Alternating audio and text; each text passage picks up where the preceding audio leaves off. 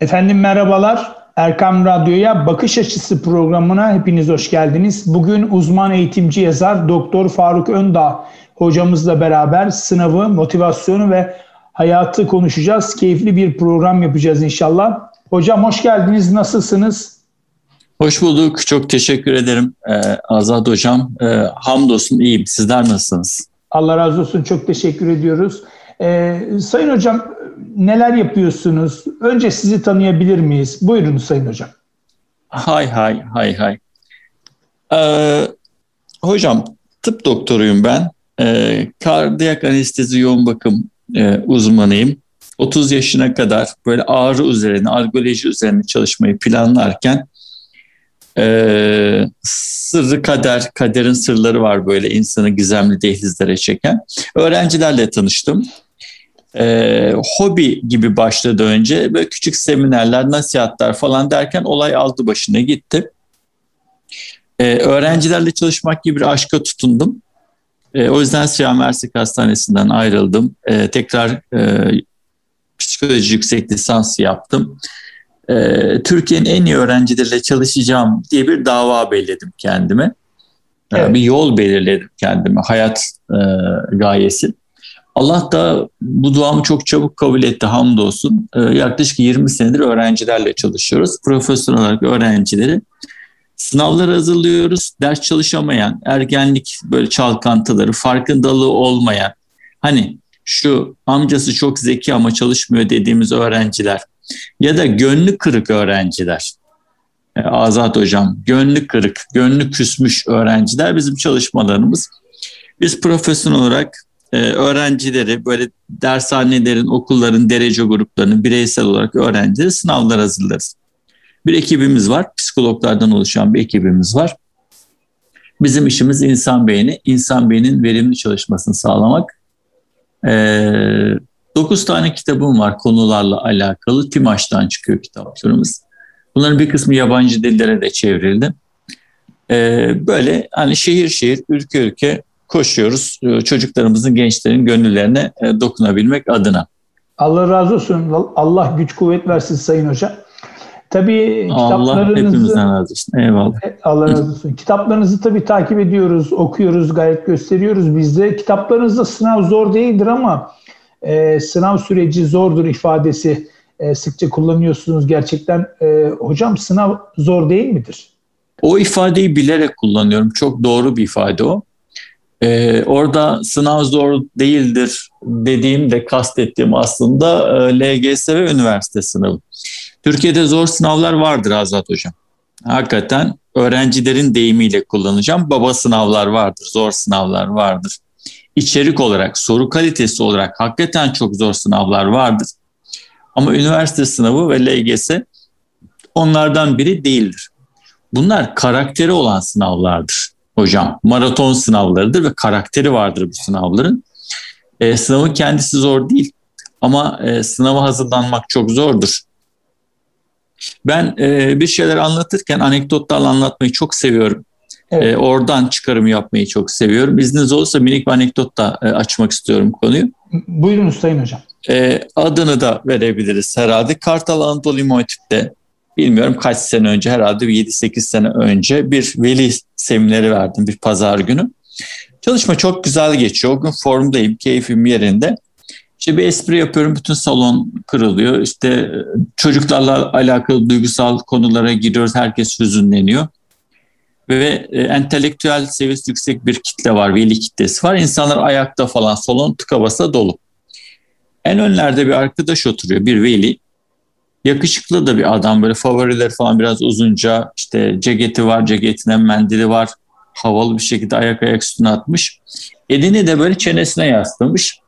Beden diliyle beden dili hoş değil yani karşı taraf için.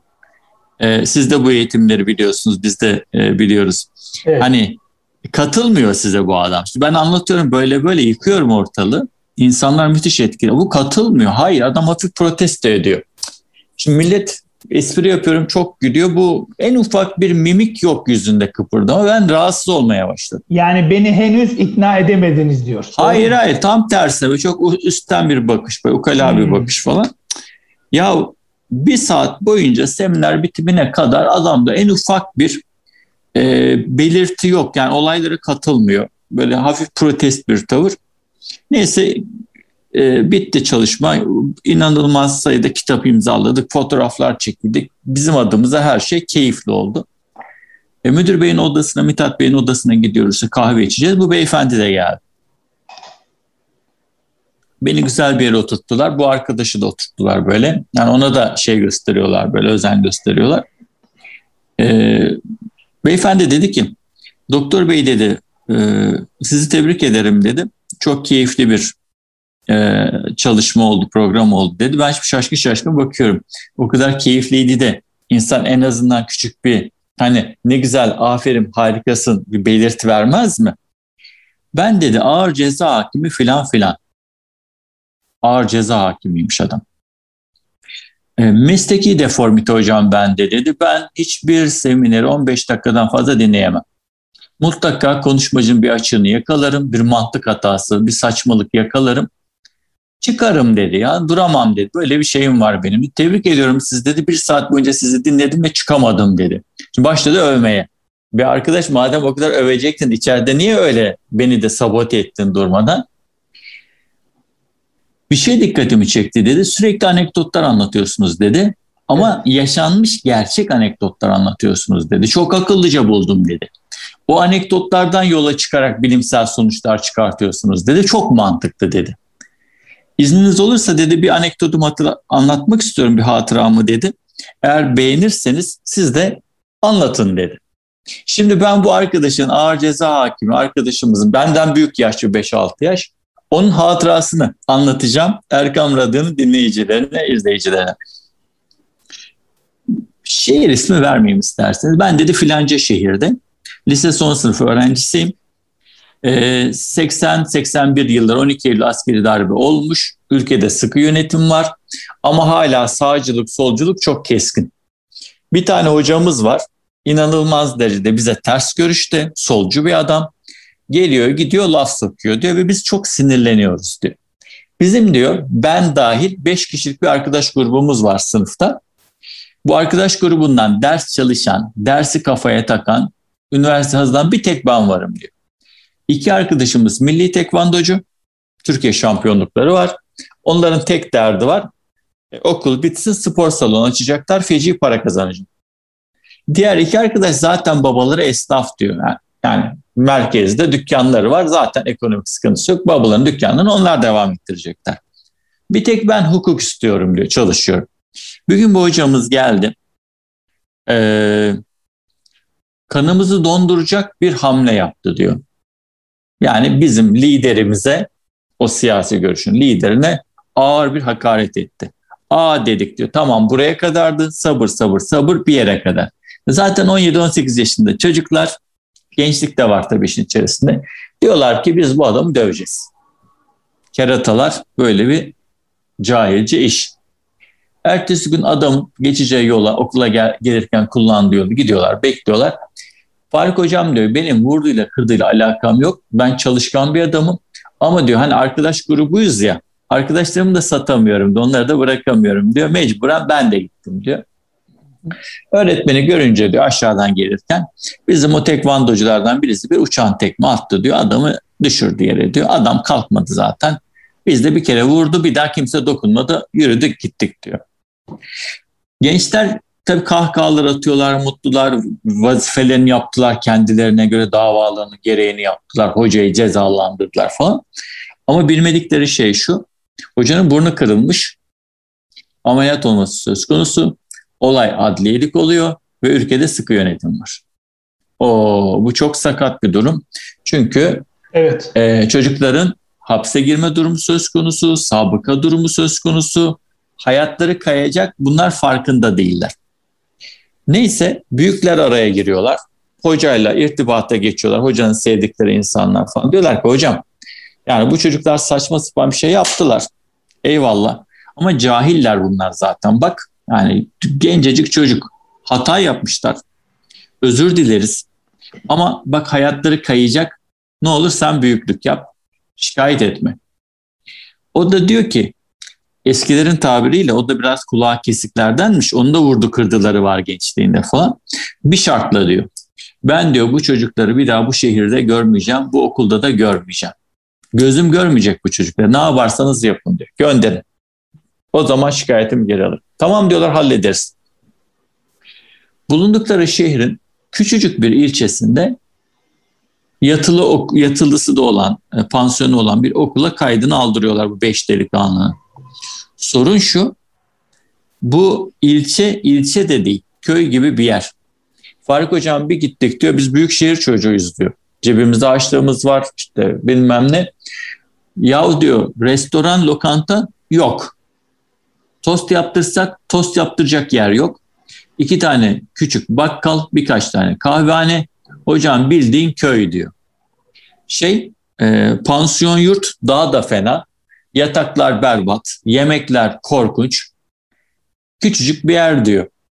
Her akşam ağlıyoruz. Anne babalara telefon üstüne telefon bizi buradan alın öldük bittik falan filan.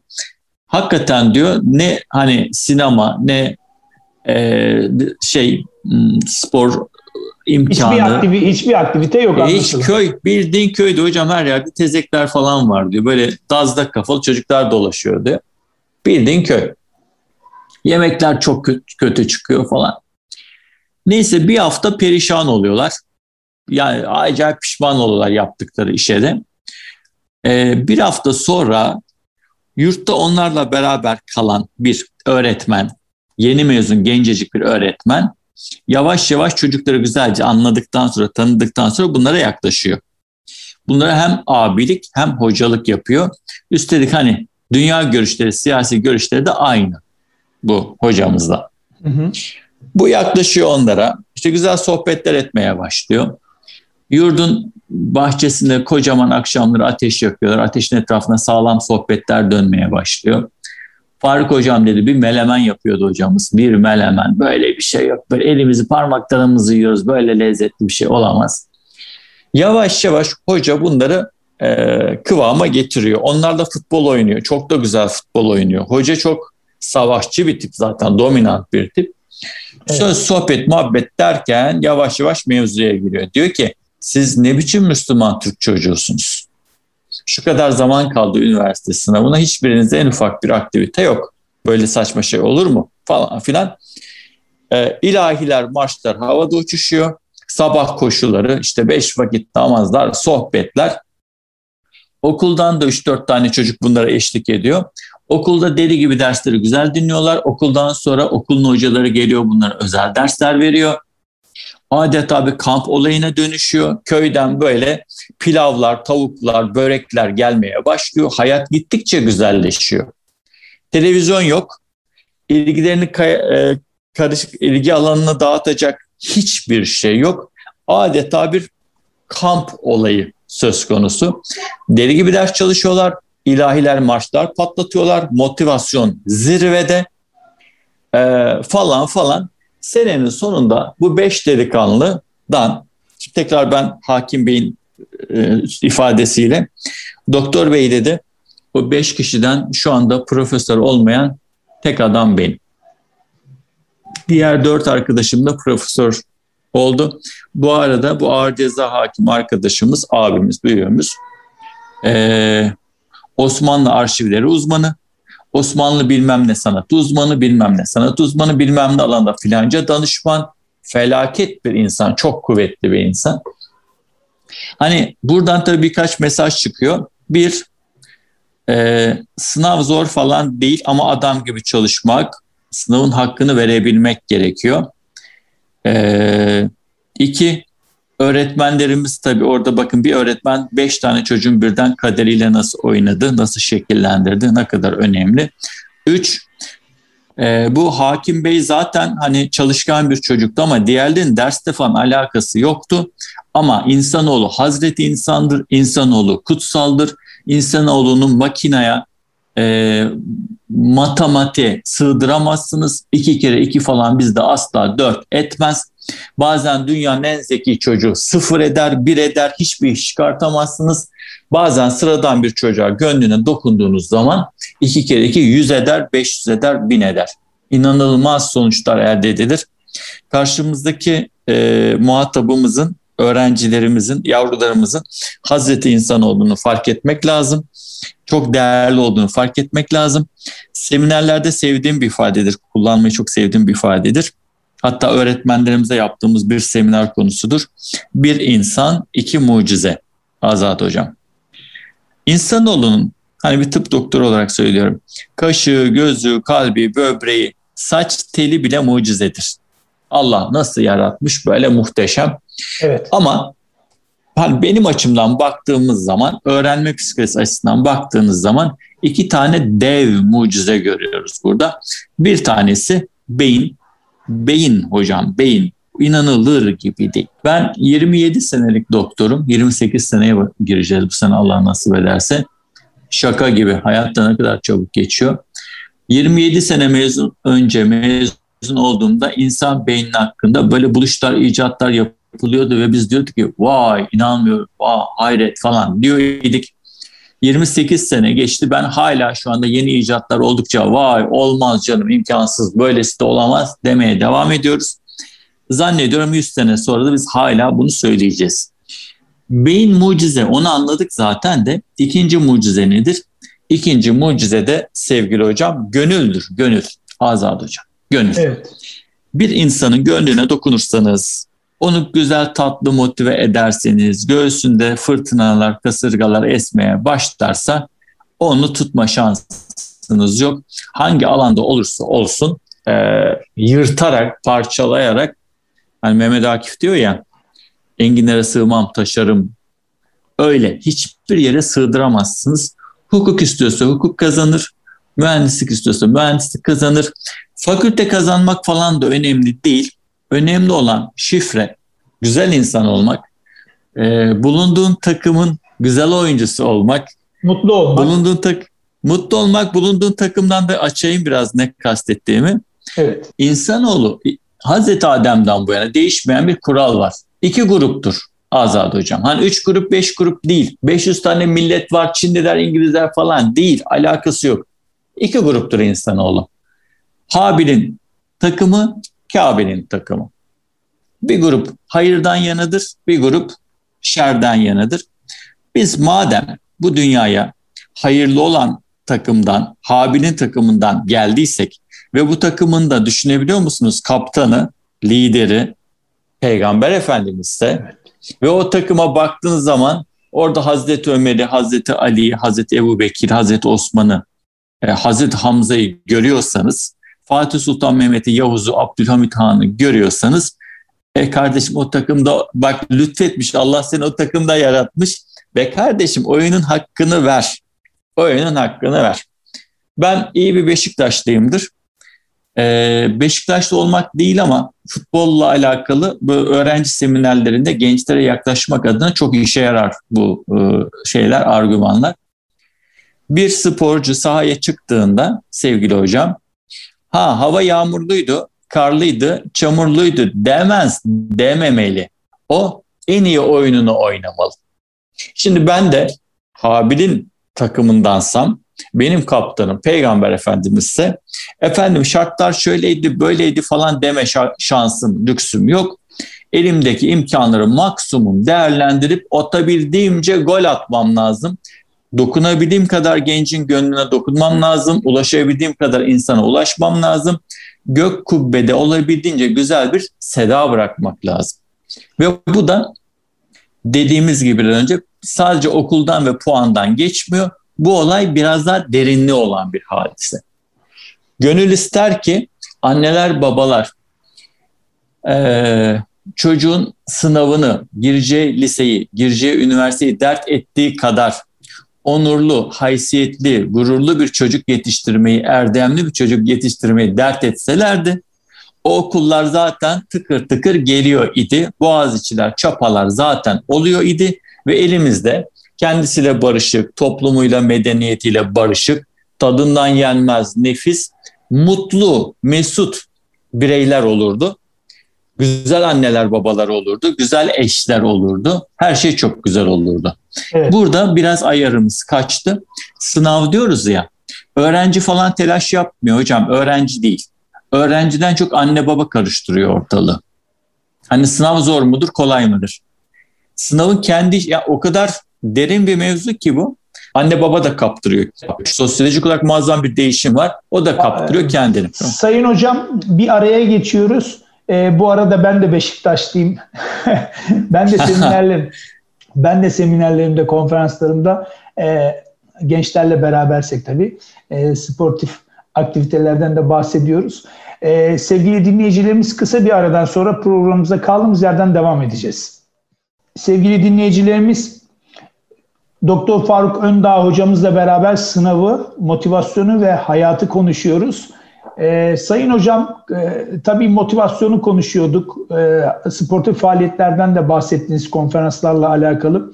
Sınav senesi tabii öğrencinin yakıtı elbette motivasyon. E, motivasyon az önce vermiş olduğunuz e, örnekten bine gidersek e, gerçekten çok önemli değil mi? Hocam e, çok ama çok önemli. E, ifadeyi doğru kullanmak istiyorum. Hani çok da dini e, terimleri çünkü amacını aşabiliyor. Mucizevi desem biraz abartı olur mu bilmiyorum. Motivasyon çılgın bir şey. Ee, dünyanın gelmiş geçmiş en büyük motivasyon ustası bizzat Peygamber Efendimiz. Aynen. Motivasyon kutsaldır. Motivasyon evet. çok değerlidir. Ee, konuyla alakalı benim bir kitabım var. Ee, öğrencileri gerçekten deliye çeviren ve ders çalışmalarına ciddi katkı sağlayan bir delilik yap kitabım var hocam. Evet. Ee, gerçekten motivasyon kutsaldır. İnsan beyninden minnacık bahsettik. İnsan beyninin çok ama çok verimli çalışması konsantrasyonla, odaklanmayla oluyor. Konsantrasyonla yani o müthiş verimli ders çalışmayla motivasyon ikiz kardeş.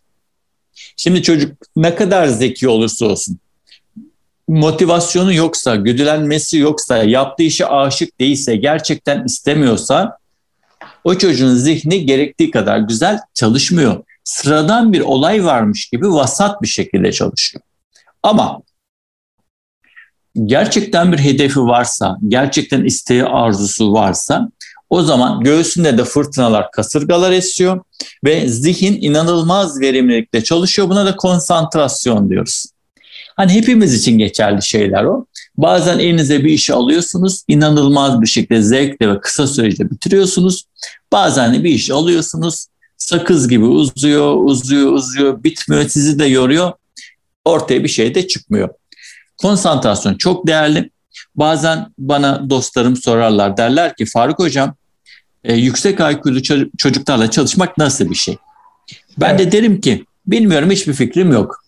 Biraz şaşırırlar. Hocam siz ama derece gruplarıyla çalışıyorsunuz vesaire. Ee, yahu evet derece gruplarıyla çalışıyoruz. O çocukların önemli bir kısmı normal zekaya sahip. Onları diğer insanlardan farklı kılan şey e, Ahmet Hocam inanılmaz derecede konsantre olmaları, yaptıkları işe değer vermeleri, motivasyonların çok kuvvetli olması. Dolayısıyla motivasyon çok değerli bir şey. Çocuklarımızı motive etmek büyüklere düşen bir şey. Hani şu var ya hep kızıyoruz da çocuklara. Amcası çok zeki ama çalışmayı sevmiyor. Bu şu demek ben çocuğumun gönlüne dokunmayı beceremedim. Ben çocuğumu hayata sağlıklı hazırlayamadım. Sofrasını zengin tuttum. E, hediyelerini, oyuncaklarını bol aldım ama bir şeyleri yapamadım, beceremedim demek. E, gönlüne dokunmak gerekiyor. Onlarda, onlarda farkındalık oluşturmak gerekiyor. Minik örnek yine anekdotlardan gidelim. Ee, Bursa'dan bir delikanlı getirdiler bana. LGS hazırlanan bir çocuk ve başarılı bir çocuk. Yani evet. Gerçekten üst düzey bir çocuk. Annesi gülümseyerek dedi ki Faruk hocam geçen sene, önceki sene, önceki sene benim delikanlı böyle değildi. Düzgün ders mers çalışmazdı, bizi de yorardı, işi gücü, gezme, tozma, haytalık, işte teknolojik oyunlar telefon elinden düşmezdi. Haylaz arkadaş grubu vardı sitede, baş edemiyorduk biz bunlarla. Benim diyor yeğenim, benim yeğenim yani ablamın oğlu İzmirli, biz İzmir, İzmirliyiz. Uludağ tıp kazandı çocuk. Bize geldi. Hem okul kayıtları hem Bursa'ya adaptasyon falan. Çocuğu bir tabii görüşüyorduk zaten. Benim oğlanla tanışıyorlardı ama hani böyle uzun süreli hiç beraberlikleri yoktu ve yaş farkları da var biraz. Şimdi bize gelince çocuk ve böyle bir 6-7 günde kalınca benim küçük de delikanlıyla bizimki de 7'den 8'e geçiyor sene. Tam sınav senesi. 7'den 8'e giden Yılmaz diyelim adına. Hadi Yılmaz olsun bugün. O ismi verelim. Ee, gerçek isim tabii vermiyoruz. Yılmaz abisi Erdem. O Erdem ismini de çok severim ama. Erdemli çocuk Erdem. Uludağ Tıp Fakültesini o sene kazanan 18,5 yaşındaki Erdem abisiyle 6-7 gün geçiriyor. Fakülteye gidiyorlar. Orada işte e, kayıtlar falan yapılıyor. Yeni kayıt yapmış yeni gelen çocuklarla tanışıyorlar. İzmirli olup işte bu Uludağ tıpta okuyan birileriyle arkadaş ortamlarına giriyorlar falan böyle. Erdem'in yanında Yılmaz da var. Yılmaz da sohbetlere eşlik ediyor. Yılmaz da aynı havayı soluyor. Erdem'le beraber akşam basket oynuyorlar sitede. Erdem Yılmaz'ın arkadaşlarını görüyor. Kimlerle arkadaşlık yaptığını görüyor. Ve Erdem Yılmaz'a yavaş yavaş diyor ki abicim bu çocuklardan sana hayır gelmez. Bak bu çocuklar çok yanlış çocuklar. Öyle öyle yapma. Bak sınav senen bunu böyle yap şöyle yap derken bizim o bir haftalık ziyaret e, Yılmaz'da böyle fırtınalar kopartıyor. Çocuğun taşlar yerine oturuyor. Hayatın farkına varıyor. En önemlisi bu. E, Ahmet Hocam rol model çok değerlidir. Evet hocam. Ebeveynlere şunu çok şiddetle öneririm. Annelik babalık yapmak bir meziyettir, beceridir. Hakikaten önemli. Ama bir yerden sonra annelik babalık yaparak çocuklara tam rota çizme şansımız olmayabiliyor. Dokunma şansımız olmayabiliyor. Onlara böyle rol model olabilecek abiler, ablalar ayarlayabilirsek, onların ortamına sokabilirsek sizin söyleyip de yaptıramadığınız şeylerin 3 katını, 5 katını onlar bizzat yaptırırlar.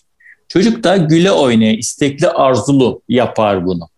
Tüylerimi diken diken eden bir ifade. Böyle daldan dal atlıyoruz biraz ama benim çocuğum yapmaz. Benim çocuğum yapmaz. Hayatımda bu kadar cahilce bir ifade ben yaşamadım. Ee, herkesin çocuğu her şey yapabilir. Yani herkesin çocuğu her şey yapabilir. Adı üzerinde gençler, cahiller, enerjileri farklı. Yönlendirme Hazreti, ihtiyaçları var. Tabii ki sen Hazreti Nuh'tan daha mı değerli bir insansın da Hazreti Nuh'un çocuğu yanlış şeyler yapabilirken seninki yapmıyor. Böyle bir şey olamaz. Bize öyle değerli insanların çocukları öyle hatalı pozisyonlarda gelebiliyorlar ki dudaklarınız uçuklar. Herkesin çocuğu her şey yapabilir. Çok uyanık olmak lazım, akıllı olmak lazım. Şöyle de bir şey söyleyelim anne babalara. Anne babalar çocuklarına 3 yaşına kadar 5 yaşına kadar çok itinayla bakıyorlar. Aman düşmesin, işte arabanın altına kalır mı, pencereden düşer mi, başına bir şey gelir mi? Bence en az o 3-5 yaşındaki kadar belki ondan daha değerli, daha stratejik dönem ergenlik dönemi. Asıl o döneme çok dikkat etmek lazım. Asıl o dönemde takipçi olabilmek lazım. Bir de o akıllı zımbırtılar var ellerimizde, bomba. Maalesef hani, hocam. O şey var ya, bu mafya e, tabirleri var. Şimdi mermi manyağı yaparım seni falan diyor. Ya o kadar korkuturum ki seni diyor. Mermi atarım sağına sonra tabanca atış yaparım. Psikolojin bozulur, darmadağın olursun diyor. Şimdi çocuklarımız dopamin manyağı oluyor. Bu yönüyle. Evet. Mutluluk. Öyle feci kaptırıyor ki çocuk orada. Arkadaşlıktan alacağı zevkten, yemekten, içmekten alacağı zevkten, çizgi filmden alacağı zevkten bin kat fazlası zaten orada alıyor. Ve gittikçe dozu da artmak zorunda kalıyor. Yoksunluk sendromuna giriyor. Hayattan da çocuğu kopartıyor. Anne babadan da kopartıyor. Sınavdan, okuldan, gelecekten de kopartıyor. En değerli yavrularımız yani yavrularımızdan daha değerli bir şey var mı bu dünyada? Bir bakıyorsunuz o akıllı mayınlar, akıllı mayın diyorum ben onlara. Evimizin içerisinde mayınlar var. Herkesin elinde bir mayın. Patlamak üzere ifadesi yanlış patlıyor zaten. Böyle uç, e, sinsi sinsi çocuklarımızı bizden, hayattan e, kopartıyor. O yüzden e, şeye çok dikkat etmek lazım. Ergenlik dönemine çok dikkat etmek lazım. Ergenlik dönemini ben açık bir yaraya benzetiyorum. Her türlü mikrop kapmaya çok müsait. Biz de işimiz gereği LGS'ye hazırlıyoruz öğrenciyi. Ergenliğin başı. Üniversite sınavına hazırlıyoruz. E, ergenliğin ikinci basamağı. Yani işimiz gücümüz ergenlerle olduğu için onların o dünyalarında neler oluyor, ne fırtınalar kopuyor, e, ne çalkantılar var e, onu tabii ki o yönden biliyoruz, anlıyoruz. Ee, Sayın Hocam, e, tabii pandemi süreci içerisinde öğretmenlerimizin yerine maalesef annelerimiz aldı. Ee, evet. Sabahtan en azından belli bir saate kadar da annelerimiz çocuklarıyla online platformlarda ders dinliyorlar. Ee, LGS ve YKS süreci de malum e, her geçen gün yaklaşıyor. E, Doğru. Hem öğrenci kardeşlerimize hem de velilerimize önerileriniz neler olur hocam? Kaç dakikamız var hocam? Yani 10-12 dakikamız var hocam buyurun. Bayağı varmış. Var Peki. Hani e, şu an çok stratejik e, şu Ramazan ayındayız. E, çocuklar beni yoracak şekilde e, bombardıman ediyorlar hocam Ramazan'da ne yapacağız, nasıl çalışalım diye. Evet. E, her ikisini de e, sıkıştırmaya çalışalım aynı süreye. E, arkadaşlar bu sene gerek üniversite sınavı gerek LGS'ye hazırlanan öğrenciler önceki senelere oranla motivasyonları ciddi düzeyde sıkıntılı. Bunda da anlaşılmayacak bir şey yok. Yani olayın doğal seyrinde e, arkadaş grupları var, rekabet var, yüz yüze eğitim var, gönül gönüle eğitim var. Böyle mekanik mavi ışıklı ekranların karşısında bu iş çok sağlıklı olmuyor maalesef. Bu sene e, öğrenciler motive olmakta, çalışmakta çok büyük sıkıntı yaşıyor. E, son bir aydır biz annelerle boğuşuyoruz Ahmet Hocam.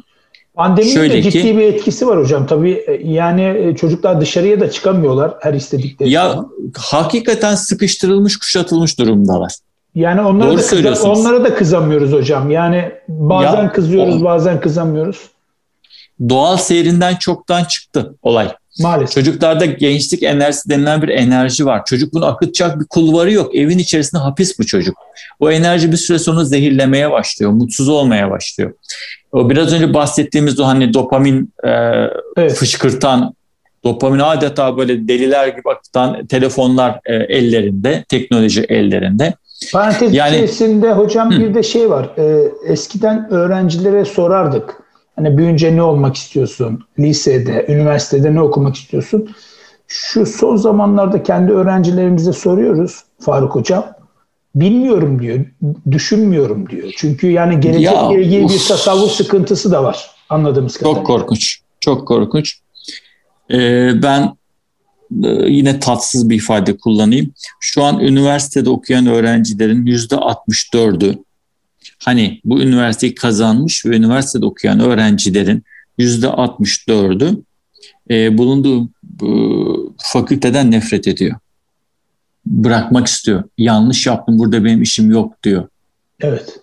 Korkunç bir oran. Evet çok iyi. Yani çalışıyorsun, uğraşıyorsun, didişiyorsun, bir yeri kazanıyorsun. Kazandığın yer aslında sana uygun olan bir yer değil.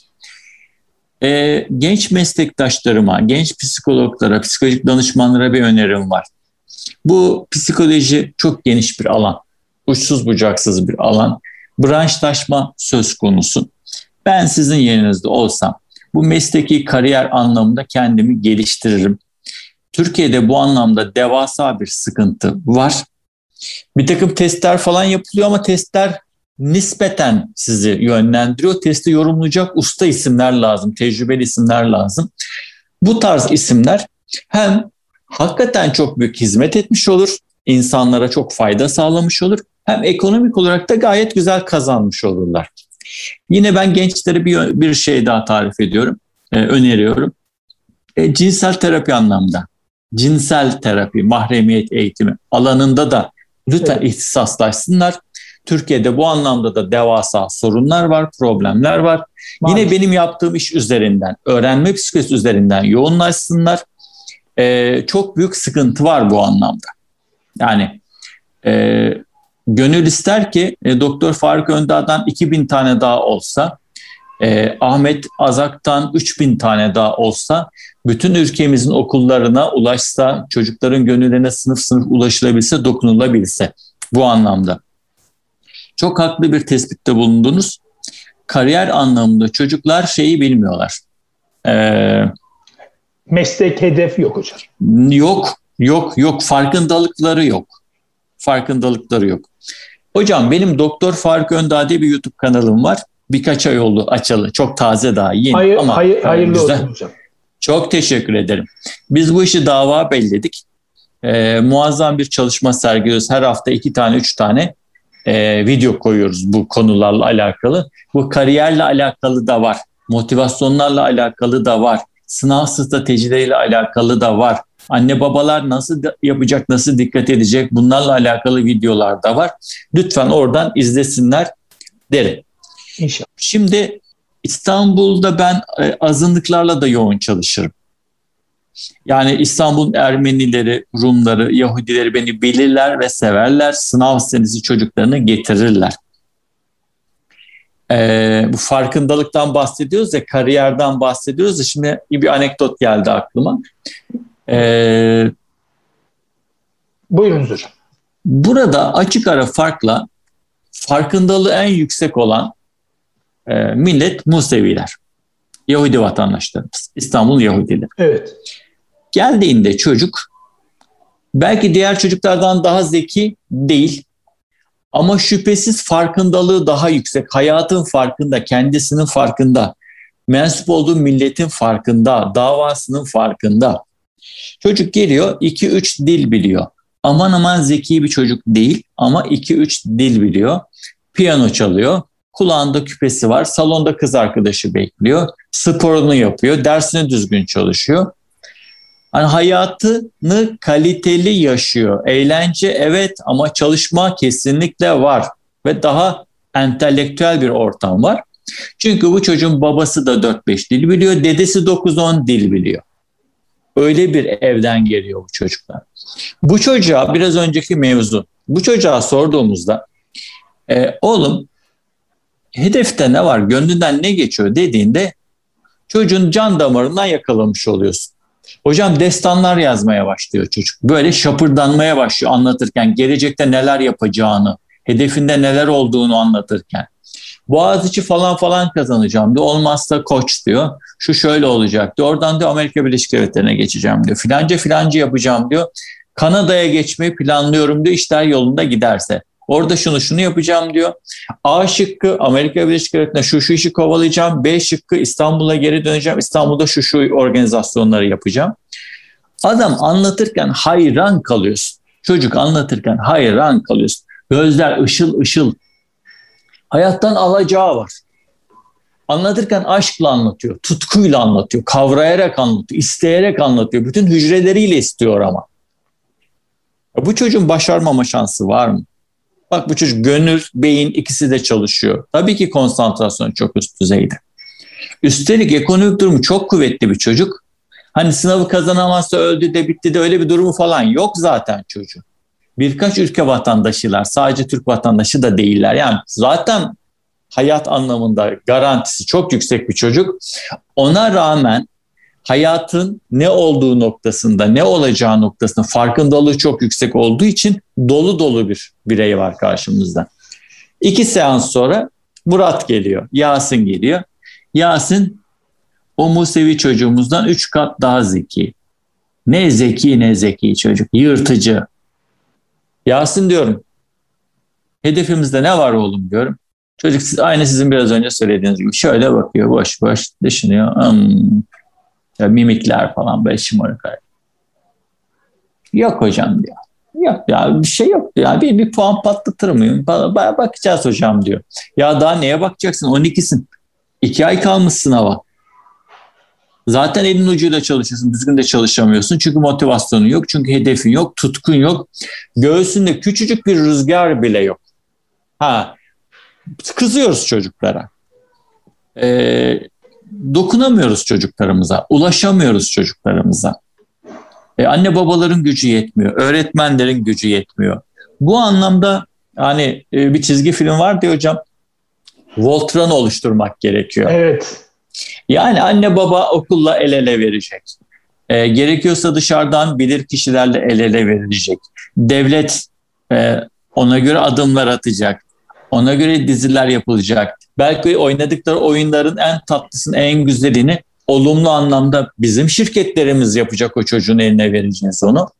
Rol modeller oluşacak oradan. Ee, biz çocuklarımızla iletişimi kopardık sevgili hocam.